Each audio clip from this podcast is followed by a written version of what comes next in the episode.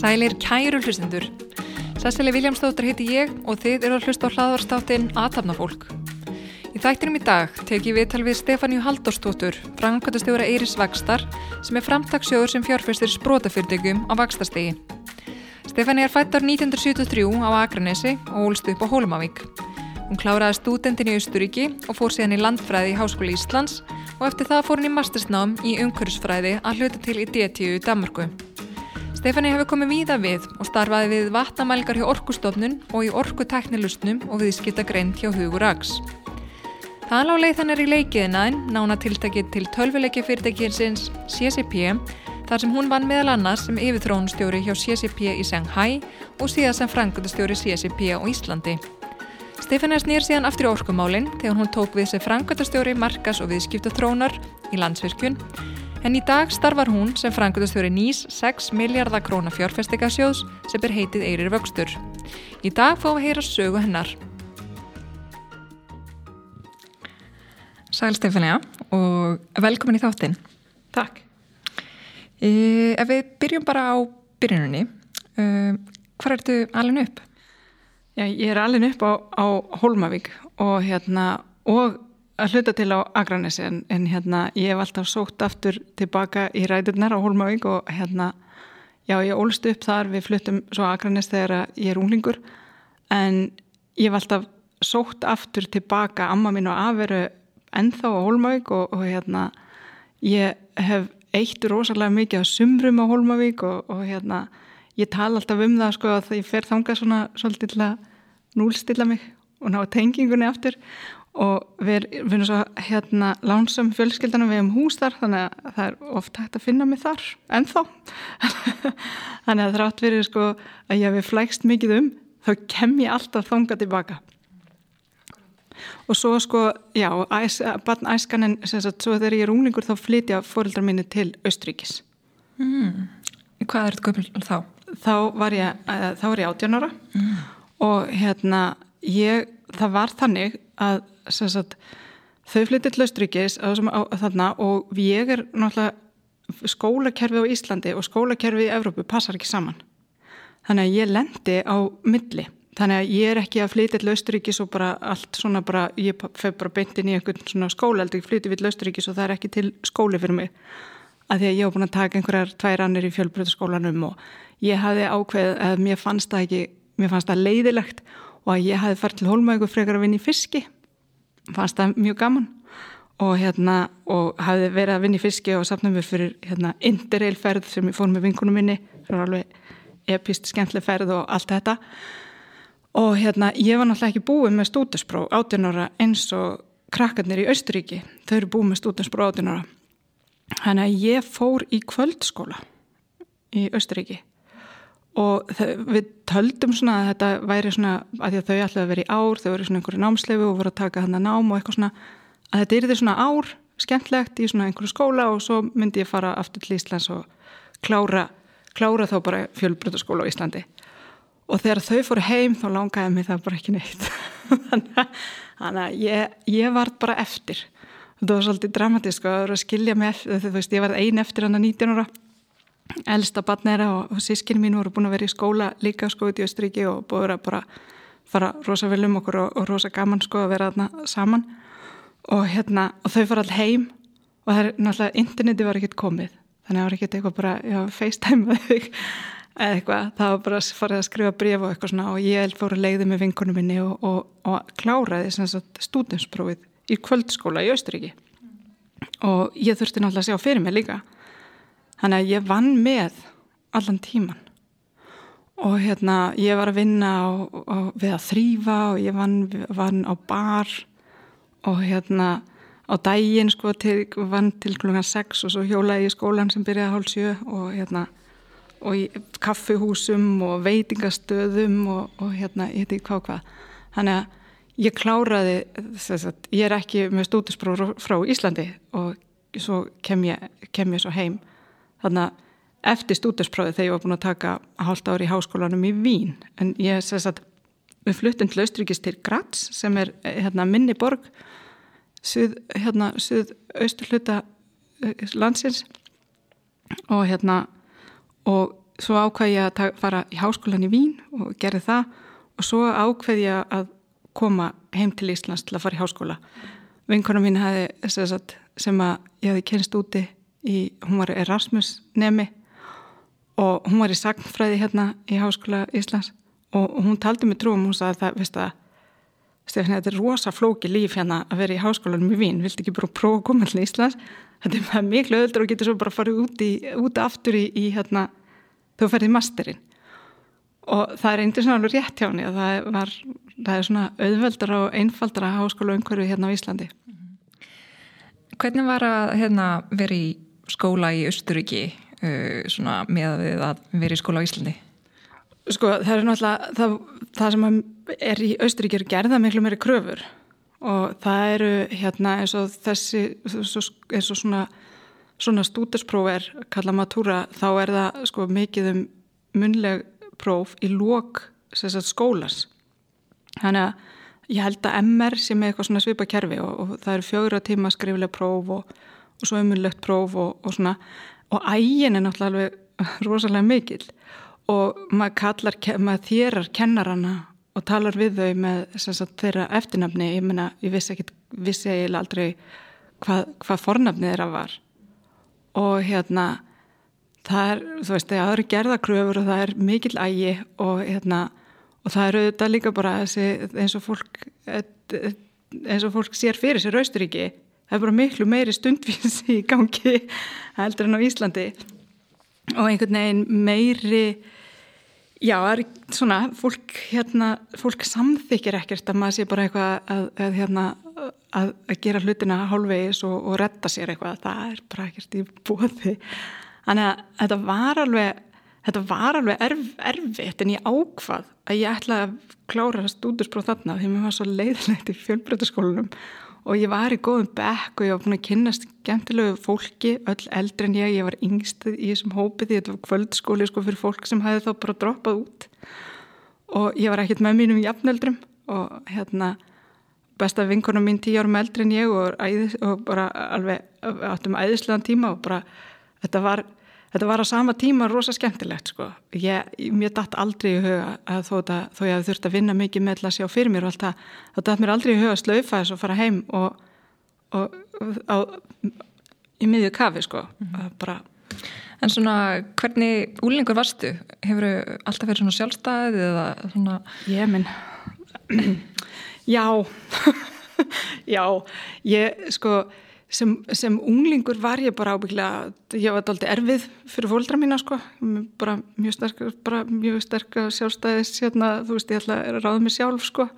Og ekki bara sem unglingur heldur sem ball líka, þá ætla ég alltaf að ráða mér alveg sjálf og það ekki, var ekki alltaf auðveld og hérna, og sem unglingur sko þá hérna, mér fannst alltaf alveg gaman í skólanum En ég, svona, ég var ekkert á leiðin ekkert alltaf, ég var bara á leiðinni bara, þú veist, eitthvað að hitta vingonunar á næsta tjám og þú veist, eitthvað þess að þar.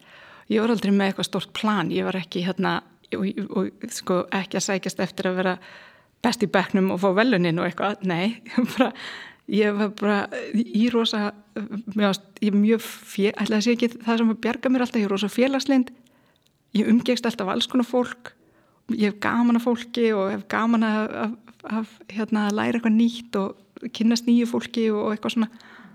Þannig að og, og þess að segja mér að það er alveg rosalega leðilegt í fjölbröðskóla því að ég náði einhvern veginn aldrei, ég náði ekki sambandi við það. En þú veist á þessum árum sko. Já. En hérna eftir annan tíma úti í Östuríki þá nær vinkunægin að, að hérna samfærið að koma heim til Íslands. Og hérna hvað verða að læra í háskólanum?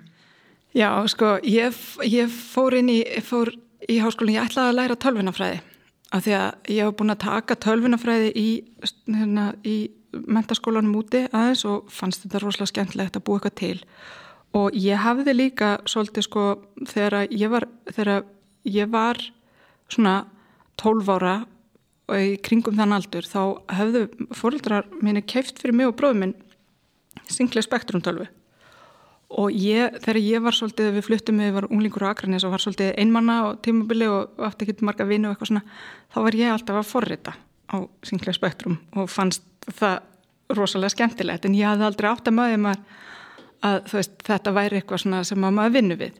Og var ekkert búin að hugsa þannig, maður hugsa það ekki þannig sem maður krakki, maður bara gera eitthvað sem mann er detri í hugu og er eitthvað skemmtlegt og hérna ég sagt, komst þannig að var fórhundunar áfangi og í mentaskóla og mér fannst þetta mjög skemmtlegt þannig að ég fór hérna og ætlaði að fara í tölunafræði í Háskóli Íslands og byrjaði tölunafræði og ég veist að svo fór ég í starfræði og ég var náttúrulega koma, ég hef búin að vera fimm ár út í Austuríki og ég lærði starfræði á Þýsku.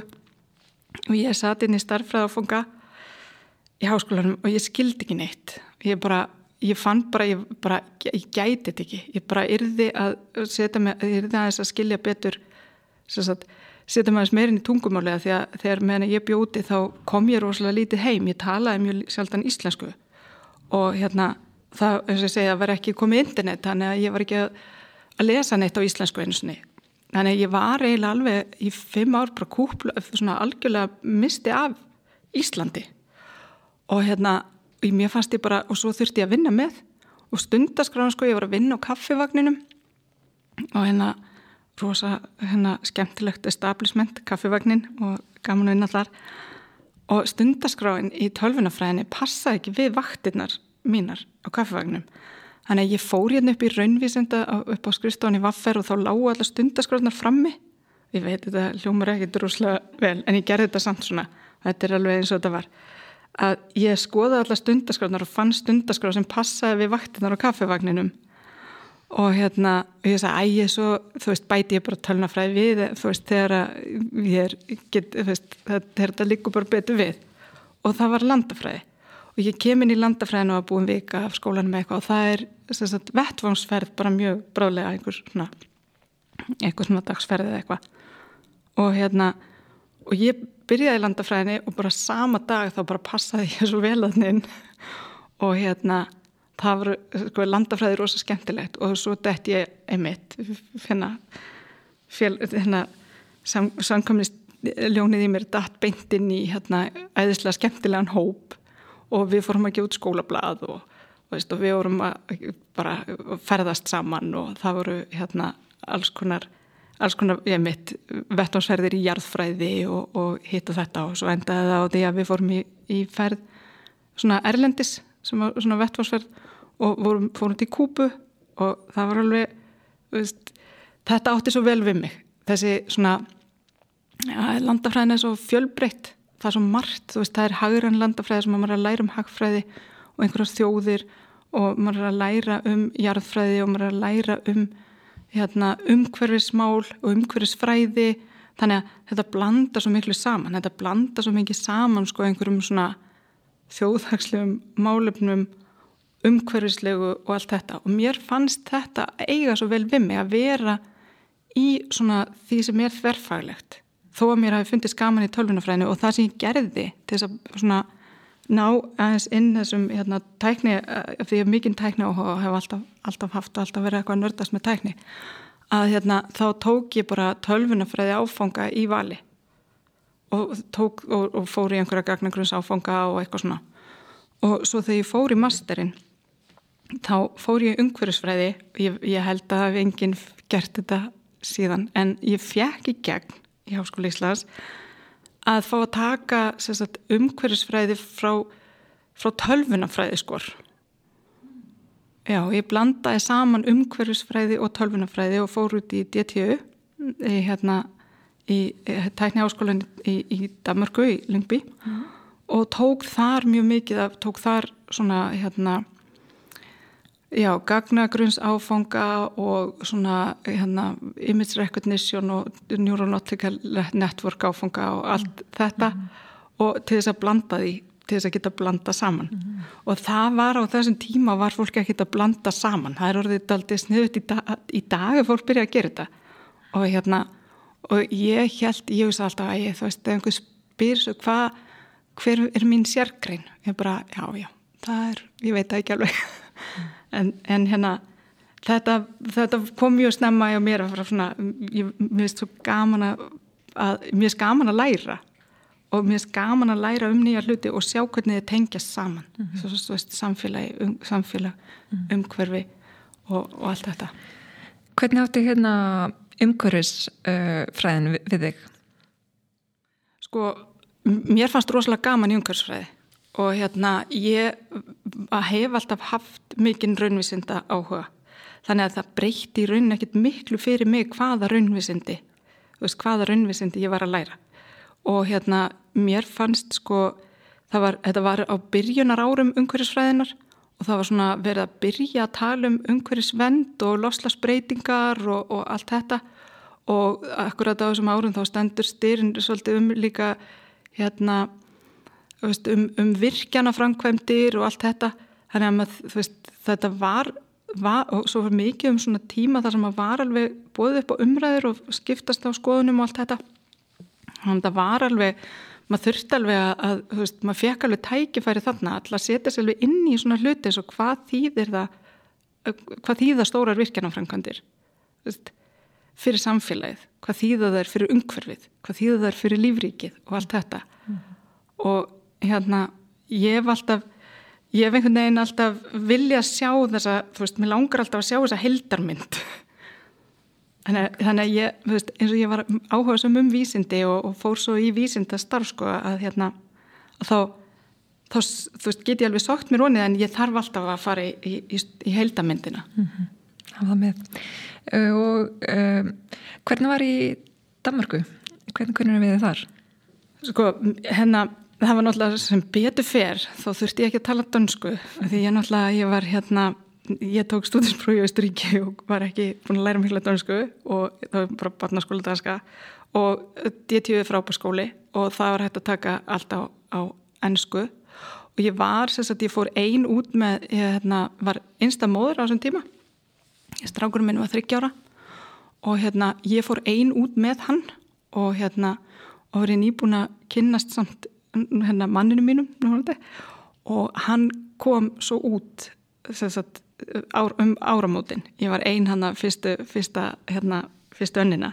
Komið fyrir með hann og hann frá leikskóla og svo einhvern veginn gekk það ekki alveg upp og ég var alltaf að hjóla langar leiðir til að fara með hann á leikskóla sem var lengra í burtu því að það var betri leikskóli og ég, þú veist, í minningunni er ég alltaf hjólandi í hrigningu í Danmörku, alltaf að flýta mig með hann ekkert eða flýta mér í skólan eða, þú veist, eitthvað svona.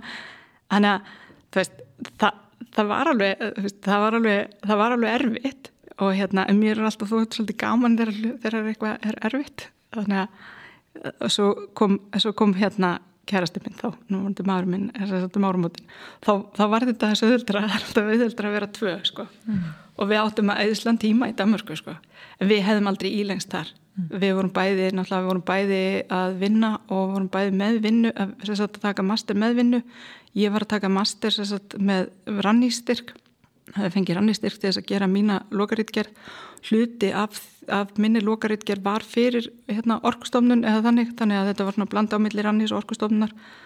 Og hérna, þannig að ég, það var alveg alltaf klárt mála að við færum beint heima að, að vinna.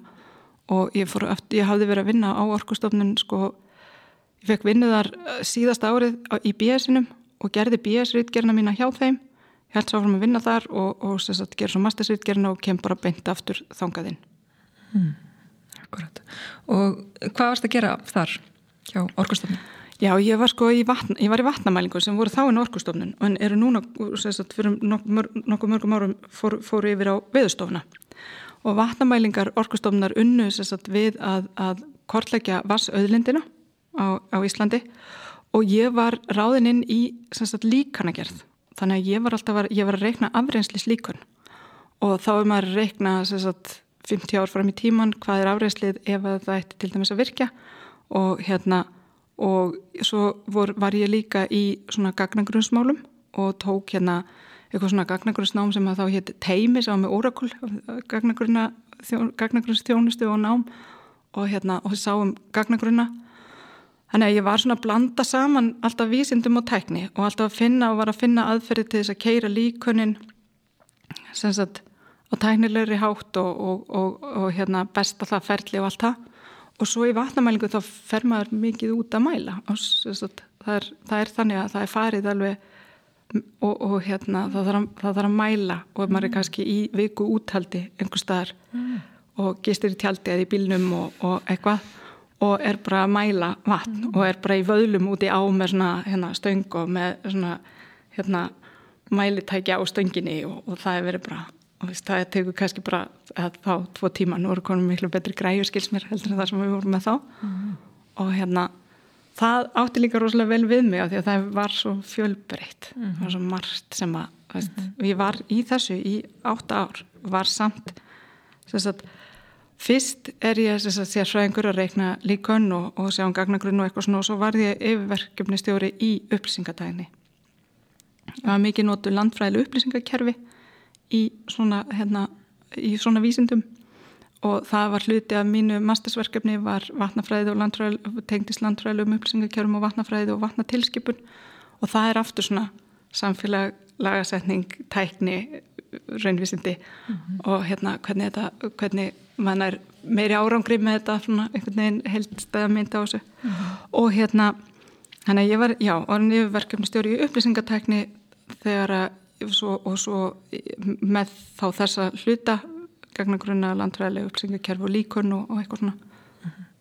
En hérna síðan færir þig yfir í hugurags uh, teknifyrirtiki. Já. Hvernig kom það til? Sko, ég, ég var, mér langaði rosalega mikið til þess að hérna, ná einhvern veginn fá meiri tækni þjálfun og hérna og hugurags var að gera rosalega flotta hluti í þessum hérna orkulösnum og það, og svo mann ég ekki alveg hvernig það kom til hvort að ég bara svaraði auglýsingu hjá þeim og, og hérna þau, og ég fer þar inn og þá eru þau, ég var búin að hafa augast að á, mér langa að leira meira um þetta, um, um business intelligence, the BI að því að ég var alltaf að sko, það lítur vera leið fyrir okkur til þess að optimæsa betur og gera, þú veist, að vera með, með þú veist, að láta gögnin vinna meira fyrir okkur. Og hérna, og þá voru þau með, var sérstaklega á hugags þessi viðskipta greint í orkutækni fyrir orkufyrirtækin. Og ég hef búin að vera á orkustofnun í átta ár. Ég hafði aldrei ætlað að vera svona lengi og svona en sko vatnamælingar voru svo svona veist, þetta var svo margt í gangi. Þannig að þetta var einhvern veginn varðaldri stopnanalegt og hérna og ég sagði ok, átta ára eru gott hérna, ég ætla að prófa að fara taka, taka þetta skref. Og þá fór ég að vinna hjá Hugaxi í þessum orkutekni lausnum og vann meðal annars fyrir landsnett að búa til sagt, vöruhúsgagna og, og, og svo fleiri orkufyrirtæki. Og þá kynntist ég betur þessum, sagt, þessum hardcore orkugögnum. Ég hafði verið meir í auðlindagögnunum og þannig er ég komin yfir í meira þessi sagt, orku og ég var að stýra þessum verkefnum.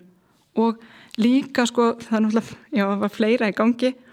Ég var allan tímaninn á orkustofnun var ég með í alþjóðlegu verkefni sem snýri að því að, að kortleggja loslasbreytingar og þarna voru Norðurlöndin og, og fleiri lönd inn í og ég var í stýri hópi um sagt, þetta verkefni og voru hundra manns í þessu verkefni og þetta verkefni var sagt, það var styrt af, af hérna, norrænum orkusjóði og, og, og bara var vel sagt, föndað verkefni.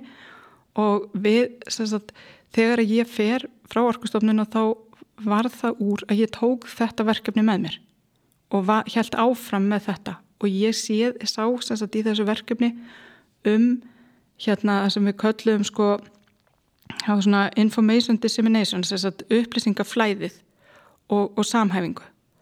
Og hérna, þetta var alveg gríðarlega áhugaverð verkefni á þessum tíma því að þessi verkefni byrja sagt, þetta eru tvö fjárara verkefni sem eru þarna í gangi. Og þau snúa að því að kortleggja loslasbreytingar og áhrif loslasbreytinga á umhverfið. Og hérna ég hef svolítið talað um það þá sko ég, á þessum tíma þá sagt, er við að fara í er að fara að sækjum styrk í þriðja áfanga. Og þriðja áfangi átt að snúa, snúast um það hvernig aðlögu við okkur sagt, að loslasbreytingum af því að það er að verða. Og ég, það er í kringum svona veist, þetta verkefni er svona inn í svona, veist, þetta er í kringum 2003 það er svona 20 ár síðan þetta verkefni byrjar. Og þannig erum við 2007 held ég 2008 að, að hérna leggja draugina næsta og þá erum við að tala um afleðingarnar og það var svona vinnustofa í Svíþjóð þar sem að koma alls konar vísindamenn að tala um afleðingarnar og eitthvað svona. Og mér fannst þá að þá var ég svona já, nú þarf fólk bara það þarf að segja bara frá þessu. Veist, og við erum auðvitað búið að verið að segja frá þessu þá en ég bara, fólk fer að skilja þetta. Veist, að við verðum að gera eitthvað í þessu og ég hérna segi stundum að ég geti eðlagt hvert einasta parti sem ég sýnist með að tala og gæsla mikið breytingar og áhrif og eitthvað og einhverja tölur og einhverja gráður og, og jöklabráðnanir og, og súrnunhafsins og eitthvað. Ég skal alveg ekki eðlegja að leina með því að bara en ég get orðist alveg svart sín yfir þessu. Og hérna og ég var ég bara já við hljóðum að skilja þetta núna og svo er ég alveg núna 20 ára setna bara vá hvað við erum ekki ennþá búin að skilja þetta. Og þá og í millitíðinni þá hef ég svo mikið pælt í sko af hverju skiljum við þetta ekki og breytum þessu? Af hverju tökum við ekki betri ákvarðanir? Þannig að ég hef mikið þannig að ég hef svona já, farið frekar þangað og að okay, við, veist, samfélagið var, bara, var ekki gæti ekki tekið á mót þessum upplýsingum. Við gátum ekki bröðist við þeim. Af hverju en þetta er ég ekki félagsvísind, ég er ekki, sko, ég er ekki svona, ég er ekki mannfræðingur og félagsvísind þannig að ég, ég er ekki dendla með svörin. Ég, hérna, en ég spái mjög mikið í þetta og, og hugsa mjög mikið um það núna eins og hérna veist, samf, samfélagið veist, eins og samfélagið þarf að vera í lægi til þess að það sé hægt að taka, veist, taka á erfiðum málum og allt það þannig að við getum kannski aðeins komið inn á það eftir en þetta er hluti af, af því sem er, er, er, við erum að gera með nýja sjónum og, og allt það, það er svona mm -hmm. við erum að horfa, mm -hmm. í, horfa inn í þetta mm -hmm. og þannig varstu búin að hérna, dífa tánum onni í e, tæknibransan og leið þín liggur til CCP, tölvuleikja fyrirtækisins e, næst uh, hvernig kom það til að þú fórst úr úr svona or, or, orku, orkutekninni og, og, og yfir í tölvuleika brans Já, ég fór, sko, var, ég byrjaði þess að ég fer inn, inn á CCP sem deildarstjóri í hönnun og efni sem að er náttúrulega, ég var í tækni og á hvað að fara inn í creative eða þess að þarna, það sem að tölvuleikurinn er hannaður og búin til. En það varð, það gerðist hannig að hún Sigurlína sem að hérna var, var að vinna á CCP, Sigurlein Ingvarsdóttir, hún, hérna, hún vissi að mér. Hún vissi að ég var að stýra stóru verkefni og vissi að, hérna, vissi hva, hvað ég var að gera og eitthvað svona og það, hún og maðurum minn þekkjast og, og, hérna, og hann var að vinna á CCP. Hann er að vísa enn að vinna á CCP og, hérna, og hún, svona, hún tókaði mig inn í þetta ferli og ég sagði alveg, ég veist að, Leina, ég, ég kann ekki dótt tölvuleikin þannig að ég veit ekki, hún sagði, nei, veist, það er allt í lei það er fullt af fólki hérna sem kann á tölvuleikin en hérna svona verkefnistjórn á stórum skala, þá sá hún að ég gæti ég hefði eitthvað fram að færa. Og hún er mjög nösk á þessa hluti. Og hérna og ég byrja sérst að tek við hérna hönnun og efni og efnisteildin kontent var út í Allanda þannig að ég á með deild í Allanda og deild hérna heima. Og svo var ég sérst að ekki langu setna, mann og ekki hvað leið langu tími kannski árið að tvö eða eitthvað, ég veit ekki alveg. En þá er ég orðin yfir, þró, yfir þrónastjóri á Ívonlæn öllum leiknum með 120 manns. Mm. Já og hérna hvernig var uh, CCP á svon tíma þegar þú voru byrjaðir? Og var þetta mikið lífrið fyrir þig? Já mjög, þetta var ógeðslega skemmtlegt og líka sérstaklega því að ég, ég sá þetta tækifæri fyrir mig til að skilja þess betur þennan hérna svona þetta creative part þennan creative part af þessari þú veist tækni þróun af því að hann er svo mikilvægur. Þú veist þessi listræni hluti hönnunar hlutin, þú veist upplifunar hlutin og þessi vöru þróun hluti og eitthvað svona frekar en að vera frekar en sko að því sko tækni í vöru þróun finnst mér aðeins öðruvísi heldur en tækni þar sem að maður er að þar sem að maður er að, að, að í svona kerfistjónustu eða þú veist þannig að mér fannst mér vanta þú veist, ég vildi læra enn meira á þetta en hann skapandi hluta. Og hérna CCP var einhverju brjálæri siglingu og hérna við vorum að ráða alveg, ég held eitthvað, já kannski 100-200 manns eða eitthvað, ekki nóglega hvað margir og við réðum fullt af fólki og, og það var bara það var rosalega mikil, mikil siglinga á okkur. Mm. og mikil fjör Akkurat, en á þessum tíma þá ertu nú hérna frekar um gárum komið með mikið manna forráð, hérna var þetta mikil breyting fyrir þig? Já, sko ég hafði, náttúrulega, ég byrjaði svolítið snemma með svona vera verkefnistjóri og svo að, þú veist að það að vera með mannaforráð ég held, mér fannst það ekki breyta mjög miklu nema auðvita sko fer bara fullta tíma í það og maður eru bara ákveða að það áafra tími í það. Öðruvísi nærmaður ekkert árangri ef maður er með mannaforráð. Og af því að ég hafði líka svolítið íminni verkefnistjórn þá, þá hef, hafði ég alltaf unnið svolítið mikið í gegnum fólk og með fólki og, og reyna að skilja hvað styrkleika fólks og hvar nýtast þessi styrkleikar best og hvar, að að, hvar, og hvar líður fólki vel. Og hérna þannig að það það einhvern veginn loksins fjekki sko, þú veist, að því að það fjekki þennan vettfang til að aðeins að fara til að fara bara dýbra í það sem að mér fannst bara mjög skemmtilegt. Og í rauninni bara mjög uppbyggilegt að gera það. Fyrst sagt, með náttúrulega hönnunar teiminu og efnisteiminu í Allanda og svo var ég komin sagt, með stjórnendur sem að voru þá þá var ég yfirmanna og þá, það fannst mér líka það var svolítið svona stökk mm -hmm. þá var ég svona bara já, býtu, ok, heyrðu. Hvernig gerum við þetta? Og hérna, hvernig bregst maður, veist, hvernig, hvaða, hérna, hvað, hvaða aðferðir hefur maður í stjórnin hefur maður, hefur maður eins og þarna ert að tala við í hönniði hérna forutara verkefnustjóra stjórnindur og kannski oft fólk sem hugsaður á mismöndi hátt. Hvernig gekk þér að, að tala við þetta fólk og láta þetta fólk tala saman? Já, sko, ég Mér, það, CCP er svo frábært það, svo að búa til tölvuleika er svo frábært að því að það er ekki tægt að búa til tölvuleik nema allir séu á leðinni veist, allir séu að leggja sitt inn sko, hönnuninn, forrutuninn gæða eftir litið og listræna, listræni parturinn og fyrir mér var þetta endalösar uppgötanir veist, bara endalösar uppgötanir um bara veist, hvað er hægt að gera og, það, og vera með svona stóran hóp og svona rosalega veist, kláru fólki sem er svo gott í sínu fæi og það var sérstaklega ánægilegt að fyrir mig að ég náði líka mjög góð sambandi við, hérna, við listrænu deildina sem að veist, teiknar hana. Og, hérna, og, að, og fyrir mig að skilja hvernig geta þau unnið með sagt, restin af teiminu? Af því að þau eru til dæmis það að teikna gameskip það fellur ekkert inn í einhvert, einhvert boks það sem að ef maður er búin að skilgreina að maður sé með einhverja, einhverja spretti. Veist, hvernig innlegur þau spretti?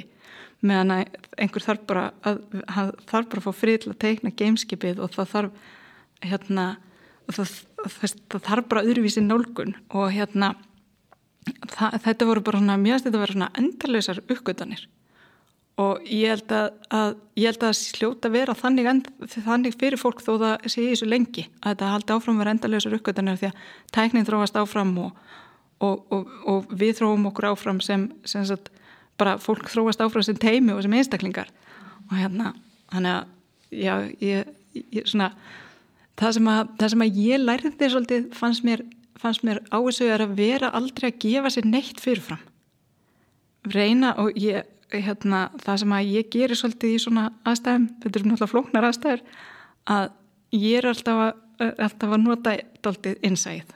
Það er mitt hérna, doldið leinuvopn. Mm, og hérna, ég er mjög forvitinn og er, veist, er, er óhrætt við að, að fara til fólks og spurja bara spurninga og veist, átta mig á, reyna að átta mig á þeirra nálgun og þeirra stöðu og allt það og ég, og ég beiti því bara mjög mikið og ég gerði það mjög mikið þannig og reyna að ná sátt veist, reyna að fara bara í samtalið og, og draga fólk að borðinu sem að, sem að veist, haf, hefur eitthvað fram að færa þegar maður gerir ekkert svona eitthvað bara svona einn út í hotni og, svo, og, og ráðast svo einhver innleggingu maður er svona endalust að móta, móta þetta samtal Já, en hérna hvernig er uh, tölvuleikja geirin svona í stærra samingi? Getur aðeins líst í? Náttúrulega CCP er náttúrulega mjög alþjóðlegt fyrirtæki og, og þetta er svona mjög sérstakur geir í raun Já,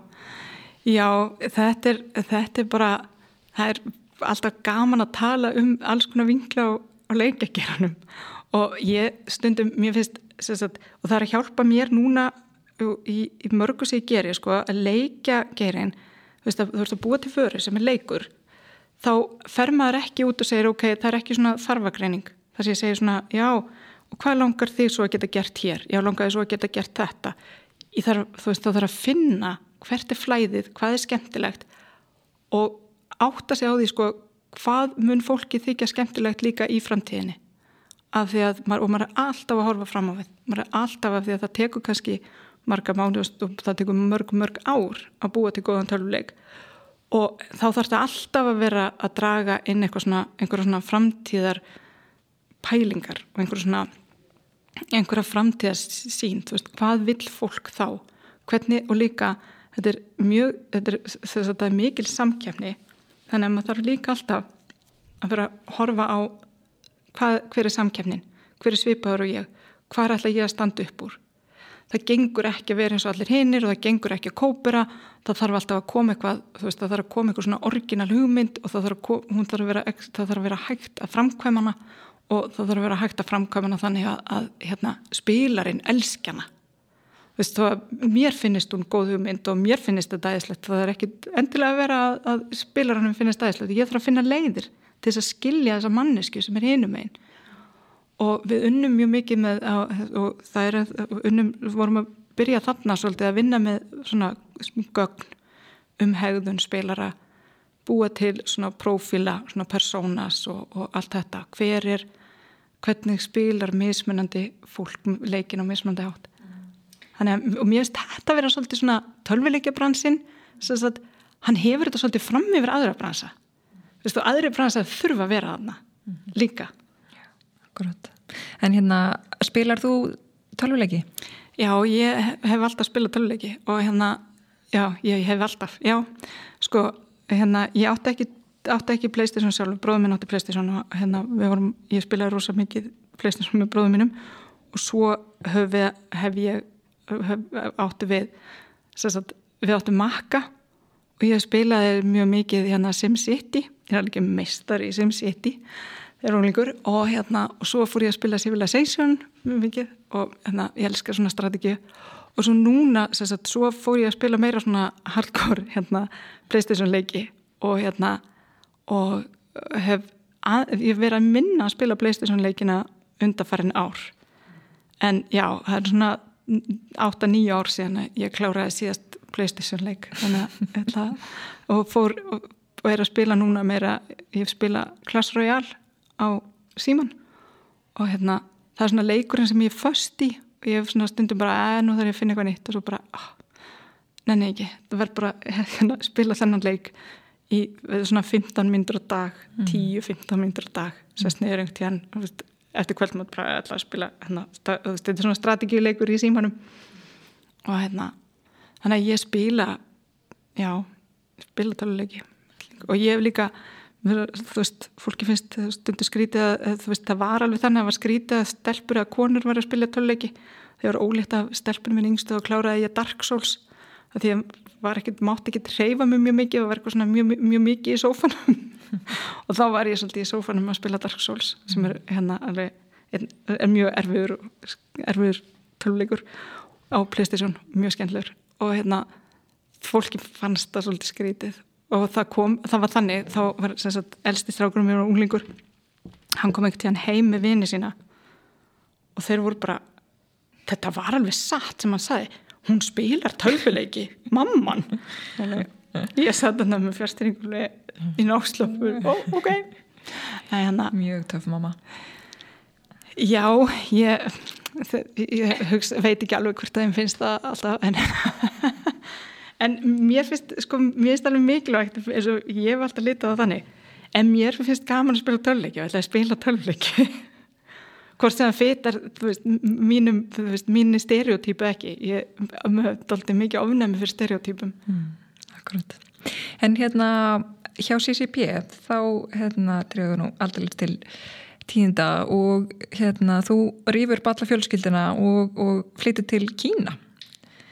Já. Getur sagt okkur á því? Já, það, sko, það var maðurum minn var að vinna á CCP og við vorum bæði að vinna á CCP og hann var mjög mikið í verkefni í Kína. Það kom eða gegnum sagt, hans verkefni að, að þetta kom upp sem svona möguleiki að við myndum gera þetta.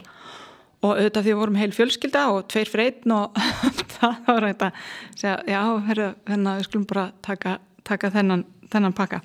Og verkefni sem hann var með í Kína var hérna döst 514 hann hafi verið að vinna mjög mikið með, með, með því teimi og við sagt, ákvaðum að fara út ég hef búin að vera að vinna í Íf og, hérna, og ég tók við Íf í Kína og hérna, það er sagt, þannig að, að Íf í Kína er á öðrum hérna, server.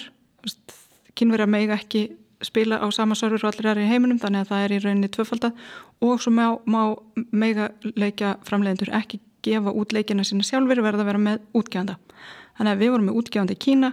Það þurfti að, að vinna mikið í því samstarfi því að hérna þeir voru með markasmálin en við, þetta var bara svona samstarf og, hérna, og okkur langaði að stækka kínamarkað og það var alltaf á döfni og þannig að við fórum út og hérna það var náttúrulega krakkarnir voru sko já þau voru hérna yngsta var eins og háls og, og hérna og svo að miðjan hann var áttaða nýjóra nýjára líklega og hérna og elsti fjórstán og hérna, nei, yngsti var þá, nei, miðjan var þá hér er hérna að reikna nýjára jú, og hérna fólk var alveg bara, hvað, þú veist, þrjú börn og veist eitthvað hvað, hvað, hvað ætlar að gera við þau, ég bara, nei, nei gerum bara sama og fólkdra mínir flytt bara með fjölskyldinu allir útlanda og finn bara út úr þessu. Og við fundum alveg út úr þessu það er ekkit mála mikil hérna svona, hérna, svona expat Eh, community í Kína það er svona mikið af fólki sem er að vinna í alls konar alþjóðlegum fyrirtækjum, það eru alþjóðlegi skólar og, og allt þetta og CSIP náttúrulega stutti náttúrulega bara við okkur að fara, fara út þannig að þetta var ekkit svona þetta var ekkit hræðilega erfitt mm. þetta var bara endalus æventýri mm -hmm. og þannig var þessi tíma eða vorum í þrjú ár og hérna við, að, þegar ég, við komum út þá er ég með Ívon Læn og svo tekið strax við líka sem yfir þróunastjóri í yfir teimi sem að var að búa til sagt, nýjan leik. Og við hafum fengið svona hérna testkit frá Samsung sem var svona gervjar sem var síndar veruleika sagt, glerugu sem þá settir Samsung hérna, símandin í.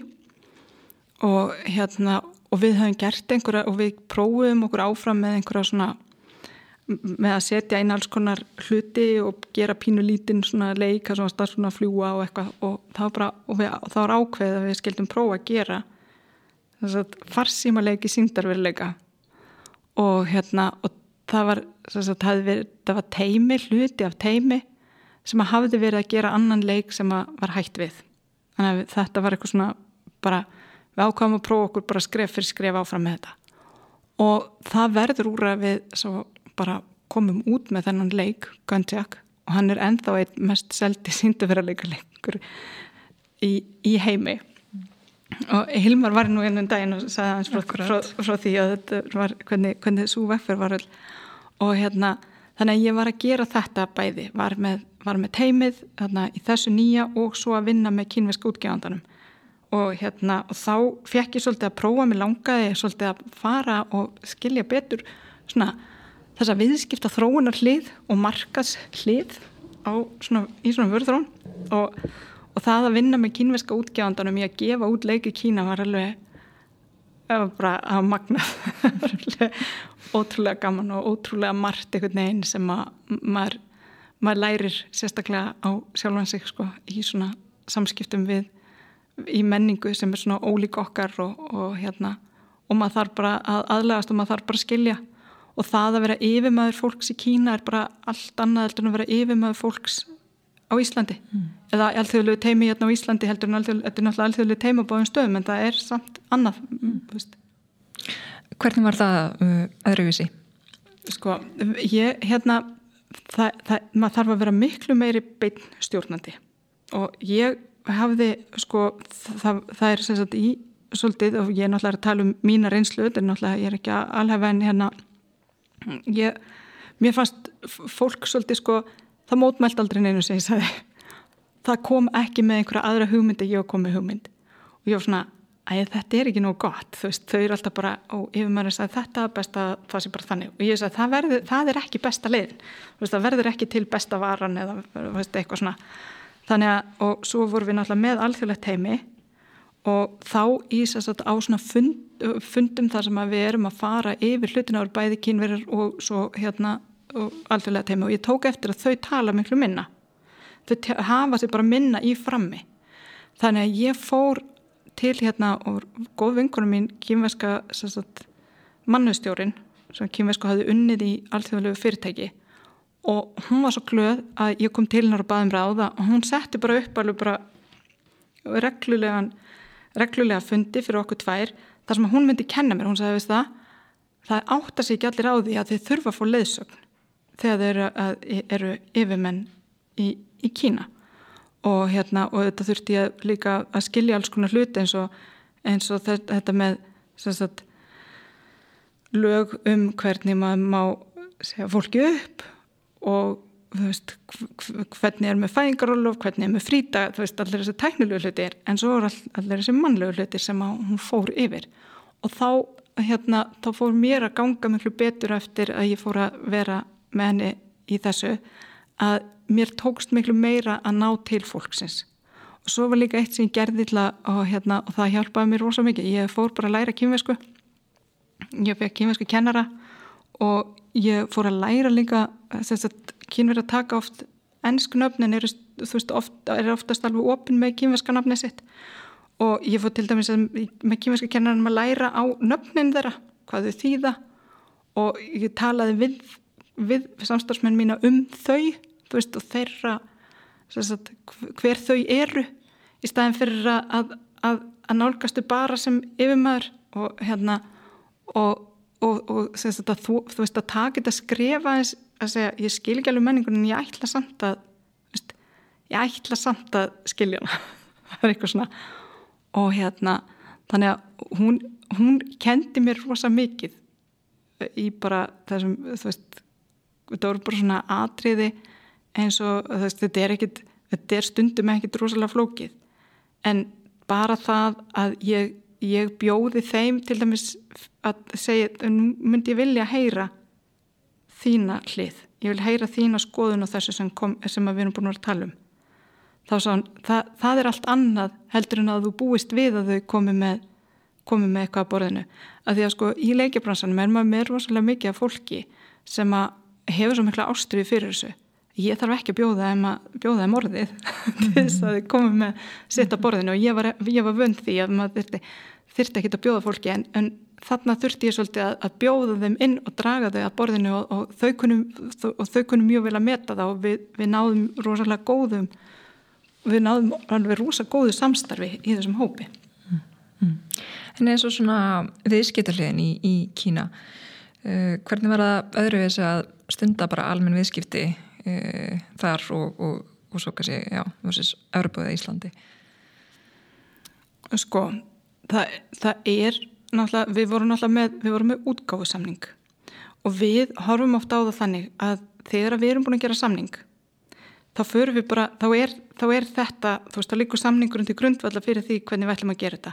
Og ef að í samningnum segir að, að þú ætlar að skilja mér ársfjórumslega einhverju, einhverju niðurstöðu með einhverju skýrslu þá veist þú það og ég veit það. Og ég, þú veist, en í Kína er svolítið þannig að þegar maður er búin að gera samningin, það er bara svona já, já, nú er, nú er það farið, þú veist, nú erum við komin, komin með það, núna kemur að alvöru samstarfinu. Og þá skiptir mjög miklu máli að, að maður byggi upp bara þessi persónulegu tengsl og reyni að setja sig inn í sagt, hvað, eins og í okkar tilfelli þarna hvað, hvað, hver eru áform útgefandans? Og að því að maður má ekki taka þeir sem gefnu að áform útgefandans þarna séu nákvæmlega þau sem að lista þeir upp í samningnum. Þetta snýst allt um, um, um samst, samskiptin og samstarfið og byggja upp tröst og það tekur alveg tíma. Og hérna og, og maður er alveg, sko maður þarf að passa sig á því að, að, að setja ekki sín vestrannu gildi yfir, yfir á allt samstarfið. Er, þannig held ég nær maður ekki endla árangri, það til dæmis nýstum það að einn af, einn af þeim sem eh, yfirmönnu sem inni hjá útgjöfandanum, ég og hann hittast reglulega á kaffehúsi bara án þess að bara, við vorum bara á kaffehúsi að spjalla saman. Og hérna og, og svo, þú veist, við vorum kannski að spjalla saman í, í klukkutíma, við vorum kannski í 45 mínutur bara að spjalla saman og svo í 15 mínutur erum við að segja, ok, herðu og hvað, þú veist, hver er svo næstu skrif þannig að hérna ég held að mín upplifun mín upplifun af þessu var sagt, að það, það, þetta, það maður þarf að leggja sér mjög mikið maður þarf að setja sjálfan sér svolítið vel inn í þetta. Bara alla sína personu inn, inn í það allan á árangru við náðum alveg hérna, bara árangru og góðum, góðu samstarfi og, og allt það. En hérna það, er, það koma líka hlutir upp sem að maður átt að skilur ekkert ástæðan fyrir. Og einhvert skipti þá eru við búin að vera vinna saman til dæmis hérna, eins og gameskipin þau þurftu bara að vera lít, veist, fyrir, við ætlum að selja svona, skin, svona gameskip sem líti öðruvísi út í Kína. Og þau þurftu að vera mjög kínvesk veist, það þurftu að vera gull og það þurftu að vera raukt og yfir svona svartur og grár leikur. Og einhvern veginn þá náum við einhver svona samstarfi um það að, að, að setja þessi skinn í, í leikin og selja þau og þau rók seldust svo. Og svo vildi ég halda áfram með þetta og þau vildi halda áfram með þetta og við vorum að setja upp einhver plön og eitthvað svona. Svo allt í hennu bara bakkaðu út. Og ég áttaði mig aldrei á því að hverju. Og, og ég var alveg, akkur bakkaðu út? Þetta var alveg garanterað þú veist, þú veist, hérna uppsætt fyrir þau og, og eitthvað svona. Og þá sagði kínvæsku vinnu minn við mig og ég sagði en við vorum að fara fram á að þau tæki þátt svolítið í þróuninni sem var, veist, var ekki í fyrsta, fyrstu umferð. Þau aðeins borguði fyrir þróunina því að við ætlum að taka þetta aðeins lengra. Og ég sagði þau tap, töpuð á þessu og, veist, og þá sagði kínvæsku vinnu minn sagði, veist að Stefania fattar ekki alveg að stundum bara þurfa allir að tapa í Kína. Ég alveg, mm -hmm, ok. Það var eitthvað sem að, sem að þeim fannst bara erfitt þau bakkuð út í þó þetta verið klárt og uppsætt fyrir þau. Þannig að ákvarðanir er ekkit alltaf teknar á pure business forsendum. Og kannski voru þau að hugsta eitthvað lengra og vildu ekki að við verum að toga þau svona aðeins yfir línuna til okkar og láta þau taka þátt í meiri kostnæði sem hef, var alveg fullkonlega sangjant og búið að reikna út að myndi skila sér allir tilbaka og, og, og þetta gæti farið svona fram.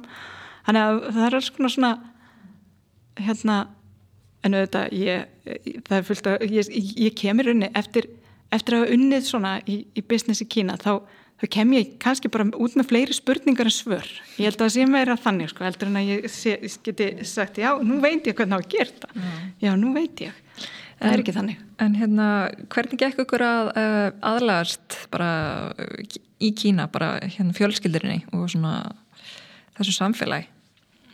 Já, við vorum auðvitað í, í Stórborg, við vorum í Sjanghæ og við vorum mjög, krakkarinn allir allir um skóla, yngstabanni hún samt fór í kýmveskans leikskóla og hérna ég var náttúrulega þannig að meðan hún var í kýmvesku leikskóla, ég var að mæta á einhverja svona fóreldarfunda sem allt fór fram á kýmvesku og ég var eini útlendingurinn og ég satt bara og sagði ok, hérna, þetta er mjög skrítið en ég ætla samt að sitja hérna.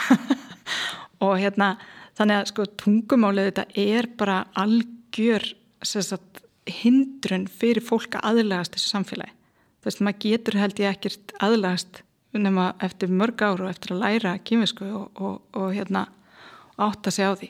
Þannig að við, ég, held að, ég held að við vorum náttúrulega bara allan tíman öðruvísi allan, og allan tíman bara eh, svona já, rauninni gestir þannig séð en ég kynntist mjög mikið af, af kýmurum og ég á ennþá mikið kýmursku vinnum og ég á með dásanlegan kýmursku kennara sem að ég hef enda samband við sko og, og hérna og kýminsku kjensla var stundu þannig að hún var að segja mér eitthvað sem að úr sí, sínum sí, bara úr hennar bara æsku og hennar skólagöngu og fjölskyldu og eitthvað svona að því að kýminsku kjensla snýrist fyrir mér líka um að skilja menninguna og skilja hvaðan fólk er að koma. Og hérna og mér fannst alveg rúsalega gaman að læra kýminsku því að þetta er svo veist, að læra þessi tákn og, og, veist, og táknin, mann finnst maður að fá, ná einhverju bara annari dýft þannig að ég hugsa sko ég hef alveg haft mjög gaman að því að vera lengur og læra meira og, og veist, meiri kýmversku og allt þetta. En auðvitað, maður getur ekki gert allt sem mann er dættur í hug. Þú veist, einum er dættur alltaf rúslega margt í hug sem ég myndi vilja gera. Mm. -hmm. Tekst aldrei gera það allt, aldrei, kannski bara fyrir bróstaði Það er oft þannig. En hérna ég man ég, ég, man, ég hitti þig eitthvað til mann og hérna og þú veist að segja mig frá sko þínum samskiptum eins og við kennara barnana í, í Kína. Hérna þetta væri svona aðeins öðruvis en á Íslandi. Já. Getur þú sagt okkur aðeins frá, frá því? Já, þá var ég þá, hvað var ég að tala um? Þá var ég að tala um kýmveska skólan, leikskólan Já, að þetta var svona tengt einhverju svona gafa menningu og, og, og Já, annað. það var það, já einmitt. Og það, það var, sagt, ég auðvitað, það var svo margt sem að maður alltaf áttaði sig á svona að það er rosalega algengt að sé verið að gefa kennurum gafir og ég var ekkert búin að fatta þetta. Og ég var reyna bara hérna fatta það svo döð skammaðist mín og var ekki með, búin að vera að gefa gafir alveg í, veist, í heilt skóla ár og hérna og ég fór að reyna að finna út úr ég bara, ég er hérna fulli vinnu. Reyna, og ég skil ekki alveg hvenar á að gefa þess að gafir af hvað tilöfnir það? Þegar að krakkan eru búin í skólan og prófum búin. Og ég, ég var, veist, það eru alls konar svona hlutir sem að, hérna, og þá fór ég að spyrja, fer maður náttúrulega bara í networkið og spyr, hérna, hinnar mömmunar, hérna, útlensku mömmunar, hvernig virkar það með gafinnar? Það sé klúraður þessu, jú, ég klúraður þessu, alltaf það voru svona umslu með peningum og eitthvað svona sem maður voru að koma með og, í gafir. Já, já, en, já. en það fyrir ekki að það voru líka þetta með gafinnar sko í í, í samskiptum við sagt, útgefandan Vist, ég var ekkert komin út í bíl með teimi og við vorum að fara að funda og ég bara nei, stopp. Já, þetta er að segja, gafirnar eru eftir inni. Það er maður fór að fund með gafir Vist, og þau komu með gafir og hérna hana, og þetta var ekki alveg stimplað inn í mig, ég bara, ég veit þetta já, já, ég veit þetta, ég ger þetta. Svo bara var ég stundu bara að löða stað og ég bara, nei þetta er að, undirbúa gafirnar sem betur fyrir að vera rosa gott heimi sem var alltaf, búið, var alltaf með mér í að undirbúta Akkurat. En hérna, þið voru aðn úti í, í hérna þrjú ár og ákveðu svo að, að koma aftur til Íslands. Já. Uh, Hver er svona aðal ástæðan? Sko ástæðan, ástæðan var að við, hérna, það opnaði staða hérna á Íslandi, framkvæmdustjóra staða á SSP og við, við, horfðum, við höfðum ætlaði að vera í tvö ári í Kína framlengdum í þriði árið. Og við vorum þarna svona bara, vorum þarna bara að skoða hvað hefur að gera þú veist, næst, þú veist, að því að við vissum að við, við erðum ekki áfram í Kína. Og hérna það, það sem er rosalega erfitt í Sjanghæ er, er auðvitað, er þessi mikla mengun. Er mjög mikil mengun og ég, ég var raunni og kom með asma og var svona, æg, þetta var ekki var ekki, það er ekki gott veist að vera að koma með asmaði að vera í svona mengun og svo er ég með börnin hérna og svona æg, þetta er ekki alveg nóg gott. Og ég bara, mér fannst það æðislega gaman að vera þarna. Þá var bara, þetta var bara komið gott. Og þá fórum við að skoða svona, við vorum að skoða ímislegt en hérna við endum á því að koma hérna heim. Og ég tók við sem framkvæmstöru CCP á Íslandi.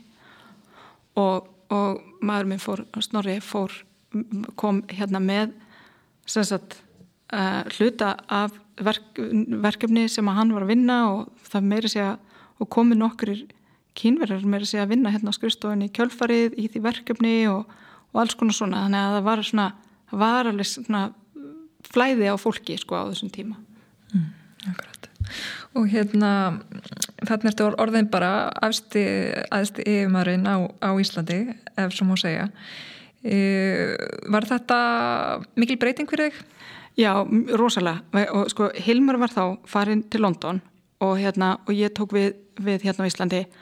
Og ég hafði verið svolítið, ég hafði verið í, í sko vöruþróun og, og viðskipta þróun og svona alltaf vinni þessari vöru alltaf verið veist þannig vöru megin og vera, svo var ég komin með þess að bara meira svona svolítið admin hluta veist, hluti og hérna skrifstofu og mötunit og eitthvað svona og hérna ég alveg það, þetta er alveg áhugavert og hérna og samt með, með verkefnum líka. En það bætast þannig við alls konar hlutir. Og hérna og það eru aðrir sem byrja ábyrð alveg fullkonlega á verkefnunum. Veist, heldur nýja og hérna það, það var alveg breyting. Og hérna ég var alltaf hérna, veist, ég var alltaf rúslega gaman á breytingum. Þannig að mér fannst þetta skemmtileg breyting. Og mér fannst þetta alveg skemmtilegt hérna þetta var mjög, mjög góðu tími og skemmtilegur og þetta er á þeim tíma sem við verðum að skipla ekki hérna að byggja grósku og, og, og flutningarna og allt þetta.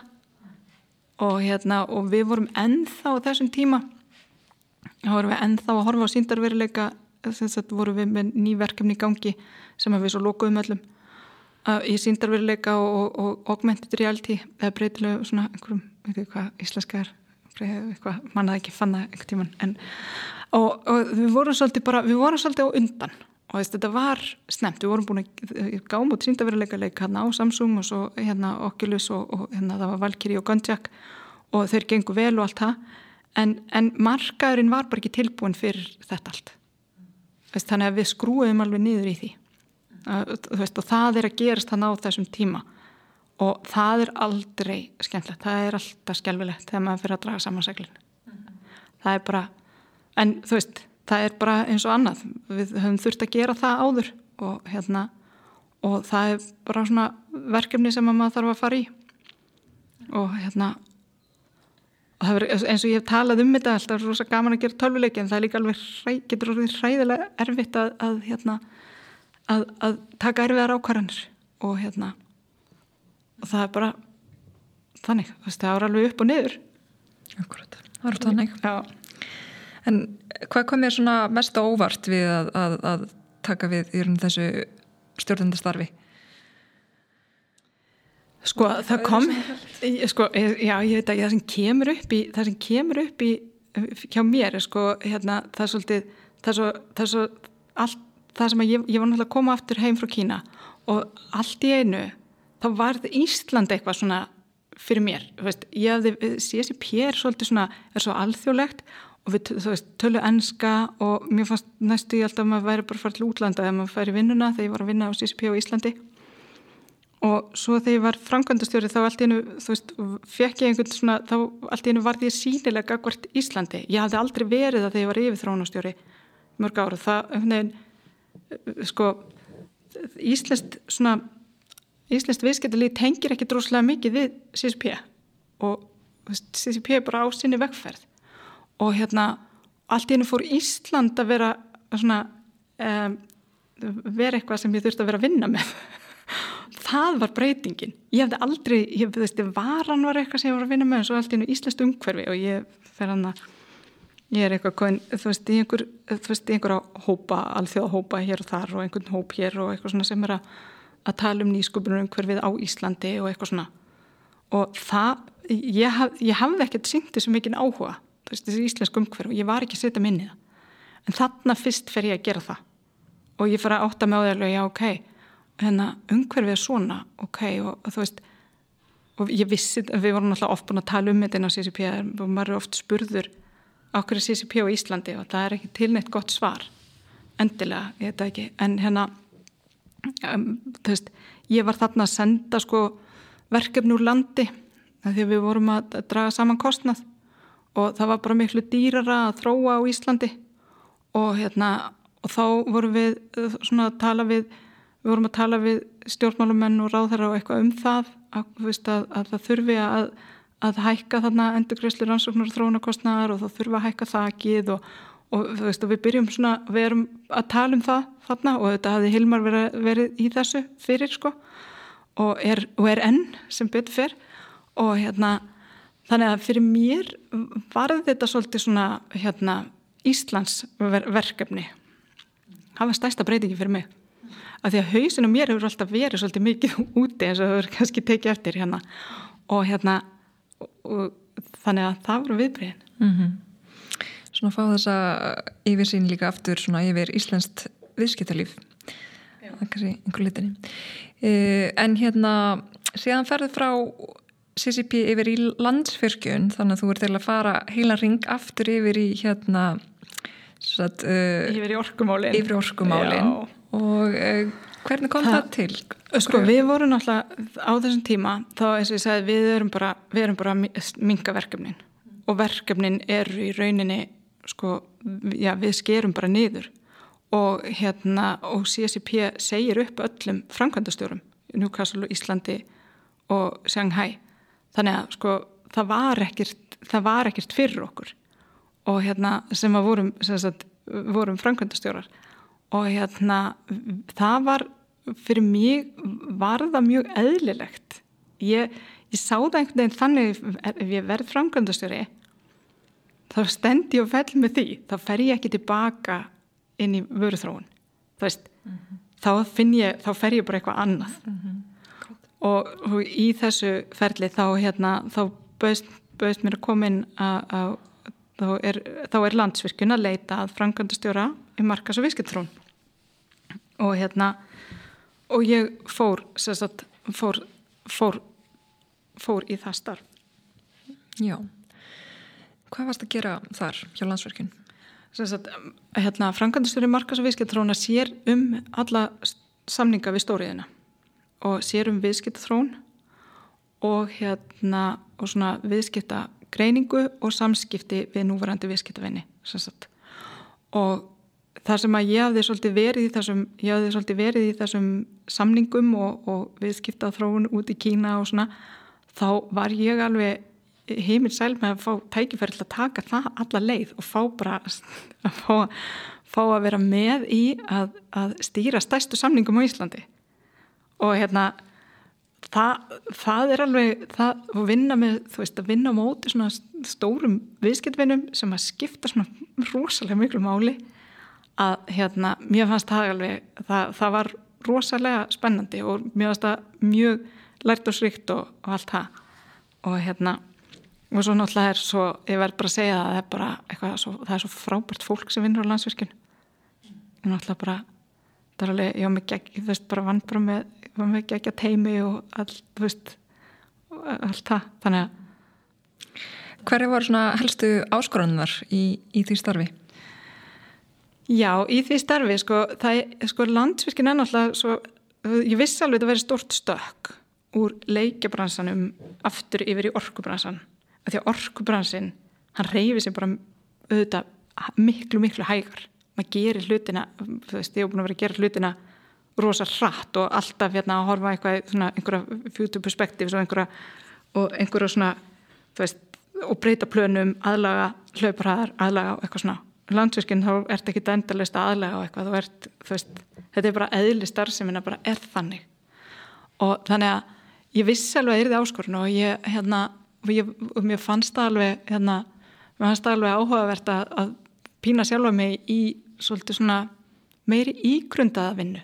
Það er rosalega mikil ígrunduð vinna í gangi landsverkin ofsalega mikil vandvirkni og ákvarðan að taka er, er, er vel út hugsuð þannig að ég sé þetta sem mikla gæfu að hafa fengið fengi að prófa bæði og fara svo í þetta það sem að, það sem að maður þarf að ígrunda það.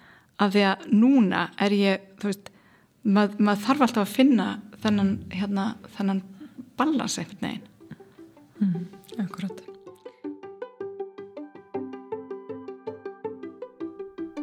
Já, það held ég það er komið tíma á uppból stakkskrálið allra landsmanna eða það sem ég kýsa að kalla Indis auglisengulegstur Við aðeins Ég er bara að taka sopa af ljúfinga kaffitárskaffinu mínu en talandu kaffitár. Þar sem það er nú búið að ringa fyrir samkomi takmarkanir þá er hægt að fara að láta sjá sig á kaffehúsum kaffitárs. Það er alltaf hrikala gott kaffi og ótrúlega gósi.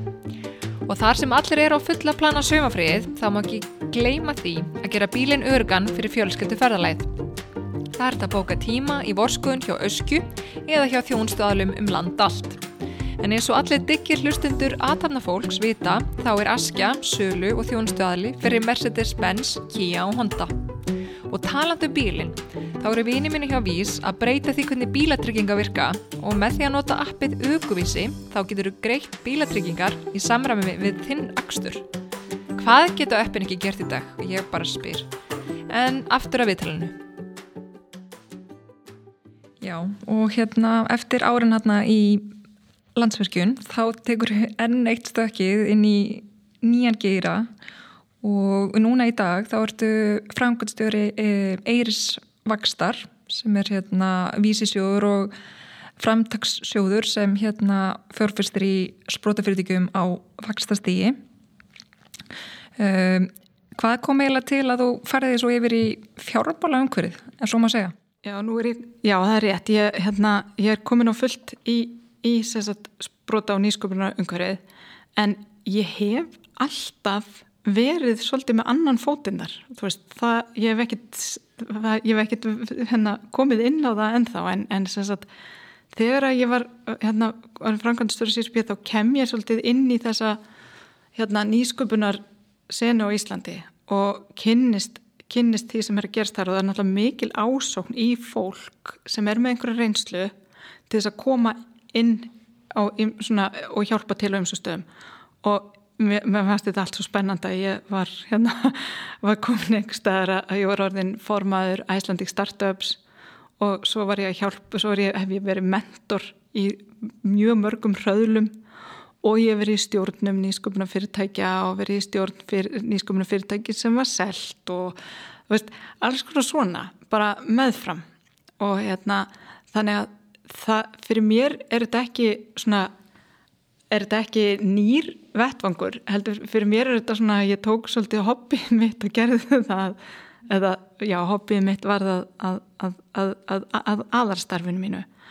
Og það var þannig að Þóruður Magnusson sem er formaður, stjórnaformaður sem er Venture Management sem er, er fyrirtæki sem að sem að sér um sjóðina Eiru Sprota, Eiru Ventures og, og núna Eiru Vöxt að samiðlu kunningi okkar bentunum á að tala við mig fyrst að væri að fara nú að staða með vakstasjóð af því ég hafi lengi talað um það að það vantaði eh, svo mikið inn í sagt, fyrir íslensk brótafyrirtæki að þau hefðu stuðning og fengju bara innþekkingu og að fjárfestastittu við það að þau færu á allþjóða markaði og hérna um oft verið að tala um hérna CCP Össur Marel og, og hvað svo og hérna þannig að ég hef talað, ég hef talað oft um þetta við hérna þá sem að ég umgengst í þessu.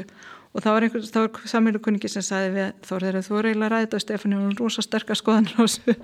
Og hérna við Þórður vorum að tala saman um þetta og það og, og hvernig hann var að leggja upp sjóðin að ég, ég var eiginlega svona bara, já, heyrðu, hérna hann er að leggja upp sjóðin nákvæmlega eftir mínum gildum og einhvern veginn fannst mér þetta bara smetla allt saman í þessum sjóð vegna þess að Eirir hefur sko verið með þetta DNA að vera í sjálfbarni og gera, veist, gera heiminn betri, styðja við fyrirtækin sem þeir fjárfesta í.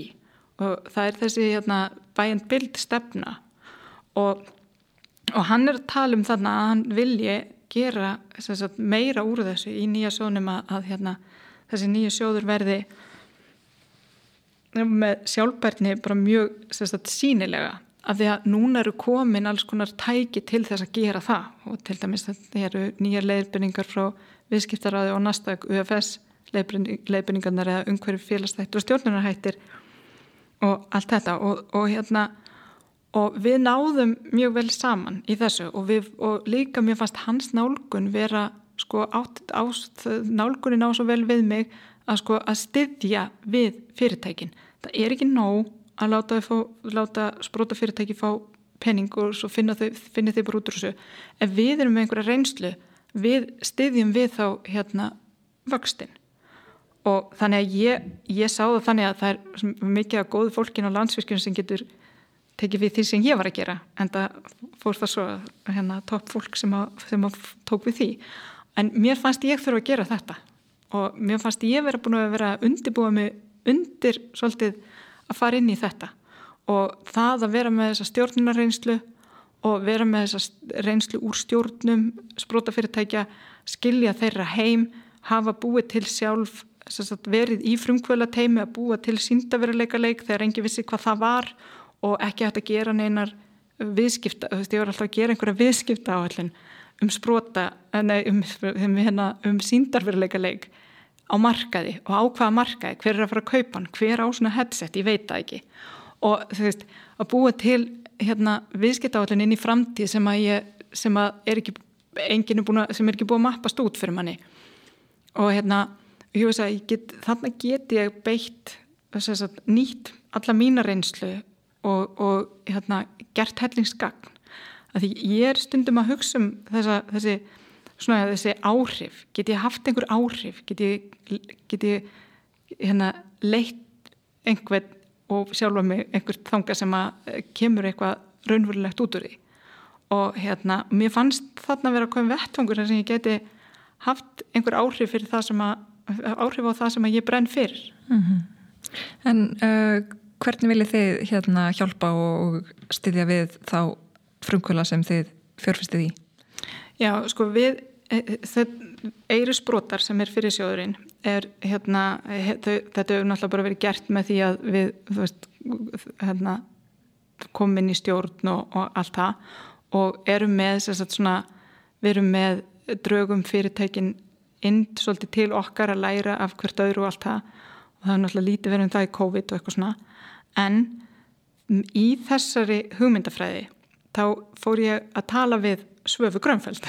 Og hérna og ég var að tala um það við hana að hérna hún er hjá MIT og hérna ég fór að tala um það að myndi, við viljum styðja við fyrirtækin þannig að þau séu með, séu með góðan grunn í uppskölunarplönin sín. Þau séu með rosalega góða kynningar fyrir erlenda fjárfesta. Þau séu með mjög gott samstilt stjórnendateimi sem að allir eru á leiðinni sem þekkja styrkleika hvers annars og eru á leiðinni í sömu átt. Og þá hérna kynir svafa mjög fyrir þessum hraðli MIT Design X hraðlinum sem að, sem að þau hafa verið með. Og hraðalinn miðar allir að þessu. Koma sagt, sérfræðingar frá MIT, fjóra vinnustofur og það er í rauninni farið í gegnum allt þetta ferli.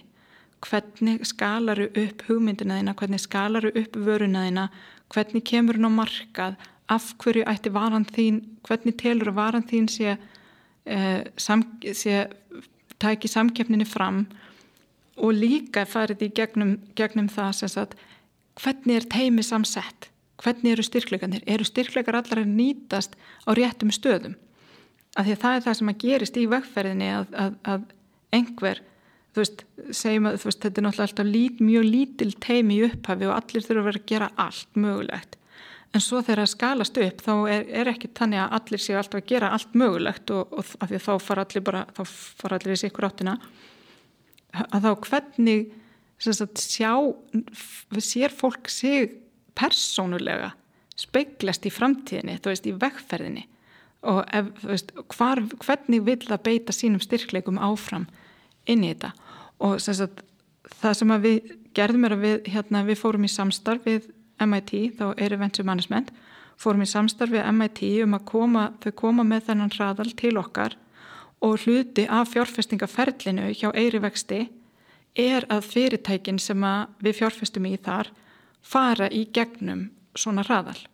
Og ég fer þá með þeim þannig að ég, við getum þannig að við getum þá ég get áfram stutt þau í því sem að þau voru, voru að búa til í hraðlinum að því að það sem að þau eiga að vera að gera í hraðlinum er nákvæmlega það sem að þarf til til þess að, til þess að fara í uppskölun og það er verið að, að fara vel inn í viðskiptamótilið það er verið að fara í hvernig ætlar að taka vöruna á markað það er verið að fara í fjármögnuna planið af því að maður þarf líka að vera með planum það hvernig, hversu mikla fjármunni mun fyrirtæki þurfa í vegferðinni og hvað þarf til til að ná þessum árangri og allt þetta. Og, og hérna og við, ég sé það svolítið þannig sko í heiminum núna eins og, eins og er. Þú veist, þegar maður hugsaður, við erum búin að vera vel lokuð inn í meir en ár núna í COVID og hérna við þurfum þetta er mikil vinna að fara á alþjóða markaði og, hérna, og heimurinn er að breytast hratt. Og til þess að ná árangri að þá verða þessi fyrirtæki að vera rosalega vel undibúin og það er ekki nóg bara að láta þau fá pening og, seg, og þú veist að, að mínum að þið finnst mér það ekki nóg, nóg mikið vegna þess að ef ég ætlast til þess að þau ná árangri þá verði ég líka að, að styðja þau í því. Þannig að ég held veist, í, í svona já, í, eins, og, eins og umhverfið er rætt núna að þá bara verður, verður, verður verða þessi sprótafyrirtæki að geta skala sér upp rætt það verður að vera miklur fljótari að læra heldur en áður. Og hérna þau þurfa að leita leiða til að fá, sagt, fá aðgang inn á markaðin það er oft í gegnum erlend, að erlendi fjárfestar koma með innlendu fjárfesti og ef erlendi fjárfestir til dæmis skoðar Íslands fyrirtæki að þá vil auðvitað erlendi fjárfestin líka sjá að innlendi fjárfestirinn fylgi líka áfram af því það er vist trúveruleiki sem fælst í því. Og hérna þannig að við erum líka stiðja fyrirtækin í að ná inn erlendu fjárfestum. Og núna þegar við erum búin að loka þá erum við í því að byggja mjög mikið fjárfesta tengsl við erum með tvo að vinni því í Seattle, Magnús Haldursson og Yngvar Pétursson.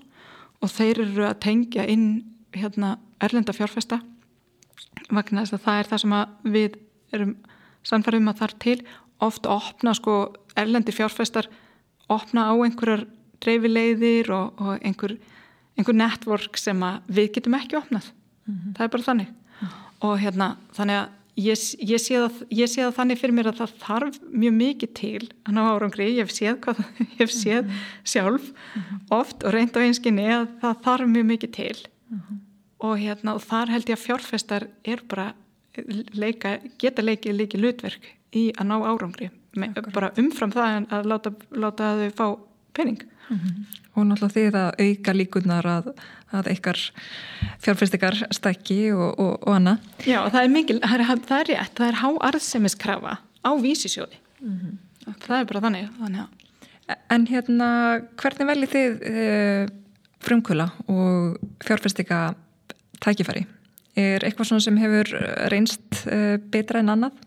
Já sko, við, við erum búin að skilgrina fjárfestingastefnu og í fjárfestingastefnunni þá erum við að horfa, þú veist, þá erum við að horfa sagt, á hvar er fyrirtæki í sínu líftíma. Það komið með vöru, það er á leiðinu á erlendamarkað, það er búið að sína fram á að varan eigi erindi á erlendamarkaði, það er búið að sína fram á að varan er samkjöfnishæfar og allt þetta.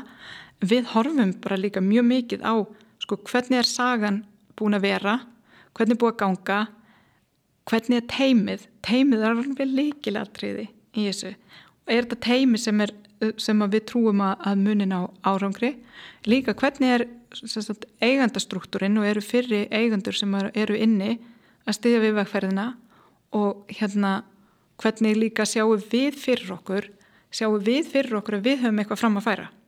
Vist? Það geta alveg komið til okkar flott tækifæri sem við séum bara það er betra að sé einhver annar vegna þess að inni hjá okkur við höfum ekki höfum ekki endilega þekkingu. En það sem við erum sérstaklega að horfa á er sko í fjárfestingastefnin okkar erum við að horfa á sjálfbarni og þá erum við að horfa á þessa, þessa e, þannig UFS á íslensku umhverfi félastættir og stjórnunarættir og þá erum við að, í ákvarðanatökunni að skoða er þetta fyrirtæki, er þessi vara eða þessi þjónusta, er hún að fara að leiða eitthvað gott af sér eða er hún að fara að búa til meira drastl og ef hún er að fara að búa til meira drastl þá, þá, þá er það ekki þú veist, hakar það ekki í sustainability hjá okkur. Og nú er ég, ég er að máli þetta mjög svona dramatíst svart og hvít þess að svona reyna að útskýra þetta en þetta er -hmm. kannski ekki alveg þannig mm -hmm. en hérna, en, en, en lausnir sem að taka okkur sem mannkinn bara á næsta, þú veist að, til, á betri stað það er hérna, eiga meir upp á borðið hjá okkur en, en aðrar og eina af ástafanum er náttúrulega veist, að, að þetta hefur alltaf verið hugmyndafræðin inn í eiri en og nú erum við að setja það í enn meiri svona bara segja þetta meira uppátt og, og svona koma meira með það út á við. En hérna þetta er líka viss áhættustýring vegna þess að við erum að horfa til lengri tíma. Sjóðurinn er með tíu ára líftíma og verða, við verðum að skoða það hvernig eru trendin í dag og hvernig hérna, getur, verið, getur heimurinn orðið eftir tíu ár. Og við teljum og það, og það er bara þannig að við, við erum að sjá við erum strax farin að sjá þetta að fólk er ekki fjárf, það er ekki verið að fjárfesta í fyrirtækjum sem að skada umhverfið, það er miklu meira verið að fjárfesta í fyrirtækjum sem er partur lausninni. Þá bæði grænar lausnir, græntækni en líka sem eru partur af því að gera samfélagi betra. Og hérna við, við lítum á þetta sem sko ef, ef að fyrirtækin sem að við fjárfestum í þannig að við erum bæði að taka þetta í ákvarðantökunni hjá okkur en við erum líka að setja þetta inn hjá fyrirtækjum sem fjárfestum í alveg frá, alveg frá því að við komum inn. Af því að við teljum eftir tíu ár segjum svo að, að við fjárfestum í fyrirtæki núna og, að, og svo í samstarfi við frumkvöluna seljum við það eftir tíu ár. Þá, við, þá, er, er örugt að það er herra verð ef að, ef að fyrirtækið hefur sagt, farið eftir öllum þessum fari, já, uppfyllt þessa UFS staðlega og sé partur af lausninni heldur en að sé partur af vandamálunu ef ég svona mm -hmm. ræði upp svolítið svona aftur svona svarkvitt og dramatíst og sé, sé svo líka alls konar mm -hmm. en mhm. þannig eru, eru, eru við að horfa á þetta mm -hmm. Og, og þetta er náttúrulega alltaf farið þess að Hérna, sem betur fyrr, já. já, sem betur fyrr mm -hmm. og, og loksins og eitthvað sem Stefania var nú búin að sjá fyrir lungu síðan en hérna, ef við bökkum kannski aðeins uh, ef þú getur bara aðeins svona líst fyrir ykkur sko ég, hérna veist, hvað gerir svona fjárfæstíkusjóðu bara yfir höfuð það er kannski all, ekki allir með það á reynu og svo líka annað sko hvernig var það fyrir þig nú, núna er, ertu búin að vera í þessari vegferð að hérna sapna í þannig sjóð. Þú getur aðeins svona líst þeirri vegferð fyrir okkur og hvernig það gengur í rauninni fyrir sig. Já, sko að, að sapna í svona sjóð hérna á Íslandi að það er náttúrulega, maður veit alveg hverjir eru líklegir til þess að koma að sjóðnum sem eru lífverðisjóðunir og það var rauninni svolítið nýtt fyrir mig að fara í, í samtal við lífverðisjóðuna og hérna bara mjög áhugavert ferli og, og hérna lífverðisjóðunir náttúrulega hafa sína reglur og sína ferla að fara eftir og, hérna, og þeir, þeir, þeir ferlar þeir eru bara svo rosalega ólíkir hérna, startup heiminum að við, þetta voru við byrjuð að tala við uh, startup fyrirtæki sem voru mögulega, við værum mögulega fjárfesti fyrir löngu síðan á þess að vera að taka ákvörðunum það því við þurfum bara, við þurfum bara að hitta mjög mörg fyrirtæki. Þannig að þetta fór svolítið svona, það var svolítið skrítið að vera í, bá, í þessu sama tíma. Þú veist að ég er að sækja sagt, fjármagn inn í sjóðin en ég er samt byrjuð að tala við hérna, við mögulega, mögulega fjárfestingatækifæri og hérna það, það var svolítið skrítið en það er bara núna, núna erum við búin að loka sjónum og, og hérna og þá einhvern veginn þá þarf maður bara að vinna úr, úr öllu þessu því að við munum gera þess að vísisöður er þannig, eða hjá okkur er þetta þannig að við erum að fjárfesta í fjögur ár við fjárfestum í cirka 7-10 hérna sprótafyrirtækjum. Líftími sjóðsins er tíu ár. Þannig að það er alltaf gert ráð fyrir að eftir þessi fjögur ár þá færi maður að horfa á það hvernig, hvernig er útgangan og hvernig skila ég arðseminni aftur inn í sjóðin og þá aftur til þeirra sem að tóku þátt í sjóðnum og fjárfesti. Þannig, þannig virkar, já, virkar þetta. Mm -hmm. En eru þið hérna, hvernig aðgrinnið þið ykkur frá öðrum sjóðum Íslandi? Það er kannski komin upp svona uh, óvinnileg stað á Íslandi, þetta er kannski svona fjármögnum umkurið uh, undanferðir ár hefur kannski verið svona að einhverju liti vannþróa þegar kemur þessu fyrstu stegum uh, en núna, sett í ár, þá verðist rauninni verið stefna í, í hérna svona met sjóða ár, ef það má segja það. Þar að koma upp nokkru sjóðir. En hérna hvernig eru þið svona kannski að aðgreina ykkur frá öðrum framtagssjóðum sem er að koma fram? Ég sé þetta svolítið öruvísi, ég sé þetta þannig sko við erum að koma úr svona eigðumörk sem að var ekkert. Ég sagði vann þróað en, en, en eigðumörk ég er nú kannski samfélag því. Og hérna, já og þess að það sem að var ekkert og núna eru við, núna eru konir nokkru sjóðir, ég held að þetta sé svona næstu í mátulegt þannig að, að ég held að svona ef ég Bara, ég, hérna, ég held að þurfu ekkit mikla aðgreiningu, ég veit alveg fyrir hvað við stöndum og ég veit alveg hvernig við sagt, hvað, hvað, hvernig við viljum ná árangur og allt það. Og aðri sjóður eru bótitt með allt sitt og reynuvarandi það. Þannig að ég horfa á þetta þannig að við verðum líka að vinna saman sjóðirnir. Vegna þess að þegar að þarf, stundum þarf bara mikið til. Stundum þarf alveg tvo sjóði til að koma inn. Og það þarf líka tengingar inn í erlenda fjárfesta þannig að ég sé þetta þannig að, að hérna, ég, ég hef verið bara svona og alveg opinskátt í samtölum að veist, vinnum saman. Veist, ef það er fyrirtæki sem er að leita að, að 300 miljónum, miljónum í, í fjárfestingu mögulega vil einn sjóðu taka það flott en mögulega eru tveir sjóður sem að vilja saminast um það og allt það. Og ég held líka, finnst einhvern veginn það er mjög mikið, þetta er hljómar alveg næsti, hljómar næsti í klísukent að maður segja þetta en ég, ég bara meint öllu hérta það er, það er mjög mikið af mjög flottum sprótafyrirtækjum á Íslandi. Og ég horfi svolítið á þau bara að þau verða að fá stuðning. Einhvern veginn, það, þarf, það þarf að ná utanum hvernig komast þau með vörun á markað. Það þarf að ná utanum veist, hvernig er dreiflegnar þannig að ég, ég, held að, ég held að þessi sjóðir sér allir hérna einhvern veginn bara muni bara vera að vinna saman, ég held að við hefum eftir að sjá allt annað landslægt í tíu ár af því að þá fyrst, það er nefnilega það veist, það er svona margir sögur gangi núna, mátulega margir kannski ekki nómargir, ég veit ekki.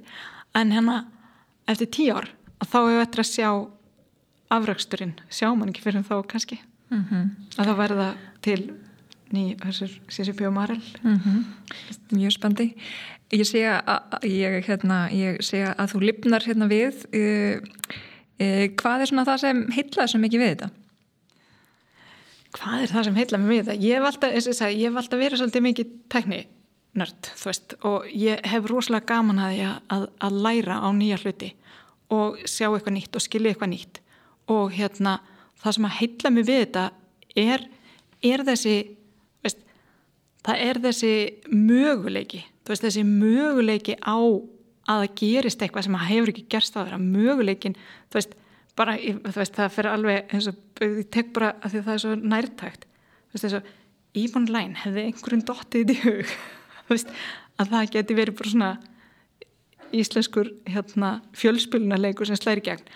Og þannig að það, það er eitthvað eitthvað svoleið sem að það er einhver forvitni veist, það er eitthvað svona, ég líka svolítið svona árangurs svona, mér langar bara að sjá fólk ná árangri með það sem það er að gera. Mér langar að styðja við að fólk nái sínum markmiðum og hérna og, og það, ég smitast af því þegar fólk brennur fyrir einhverju. Ég get orðið alveg bara fara að brenna fyrir alveg rosalega mikið þeirra hugmynd. Kannski er það svona áhrifgjörn bara tekið þetta svona mikið inn sko. Þannig að mm. Já, akkurat, þetta er mjög spennandi eh, en sko en svona lókum ef við bara lítum yfir hérna fyrirlinu og hérna þú ert gæla búin að fara við það þetta búin að vera mjög fjölbreytt og alþjóðlegt þú ert búin að búa um allan heim og læra tungum og svona og ert gæla órætt uh, við að, að breyta um uh, af hverju heldur að þú sért svona? Já, ég, hérna ég held að ég sé að ég með svona, ég með eitthvað svona innra sjálfströst sem snýr ekki að því sko að ég haldi að ég geti allt eða eitthvað heldur bara ég, ég hef eitthvað svona sjálfströst um að ég, ég veit, ég finn út frá þessu. Og hérna og ég er líka daldi, ég er daldi óhrætt ég veit alveg sko, ég er alveg veist, um, ég er óhrætt við að takast veist, ef það þarf að takast á við eitthvað að þá, þá líður mér ekkert ítla með það. Ég sæk ekki endilega í það og líka það að, að sko ég veit alltaf, ég veit ekki þetta er eitthvað, eitthvað svona í mér. Ég, þó að ég hef verið alveg í útlöndum og þurft að gera allt sjálf og eitthvað hef ég alltaf á tilfinningu það er eitthvað, er eitthvað, sem grýpur mig alltaf. Veist, ég grýp mig stundu sjálf. Ég á rosalega flotta vini sem grýpa mig ef ég ger einhverja vittlisu eða lendi einhverju veseni eða eitthvað að og, og hérna og það að fara og prófa eitthvað nýtt og, og þú veist ég held að það sé einhver pínur rebel veist að fólk segir hérna eins og ertu, veist, ætlar hún að flytja veist, til Kína með alla fullskilduna Hva, hvað var þetta það? Þá er ég enn ákveðnar í að gera það. Þannig að ég er svona eina af þeim sem maður má segja við alveg bara, já, þú veist, akkurat svona hérna öfuga sálfræði. Eh, ég, ég hef enga tróðu getið þetta. Þá, þá er ég mætt og ég skal sína það en Ó, hérna þá er Stefani aðmægt já, ég held að það er eitthvað svona þetta er eitthvað eitt af því sem ég hef hugsað svolítið um sérstaklega í sambandi við að hafa verið yfirmæður mjög lengi og líka verið með konur hjá mér. Ég hef alveg þú veist, ég beiti mér alveg að ég peppa konur upp þegar ég finna þær hafa ekki sjálfströstið mm, og reyna, reyna þú veist að segja um að veist hvað hva er að vest að það getur gerst? Þú veist þetta mistegst aðeins lagar það bara veist, eða eitthvað ég veit ekki. Það er svona og ef einhver hefur verið þú veist eins og ef maður lendir í á, á veist, fundum að það er, það er ekki hlustað á mann eða veist, það er eitthvað valtað yfir mann og allt þetta þá er ég alltaf bara að þá er maður bara að standa eins upp og hérna hrista eins af sér halda áfram, prófa aftur. Eitthvað svona sjálfströst og resilience sem að, sem að ég bara meðvitað bara með, mjög meðvitað og markvist þjálfa með mér. Og ég farið í svona resilience treyning hjá þjálfara og þú veist, veist resilience er svona þrautsegan, þrautsegan, já, mm -hmm. það er þrautsegan mm -hmm. Akkurat. Hún skiptir höfumáli uh, eh, Stefán Hjaldarsdóttir takk kærlega fyrir komuna. Já, takk fyrir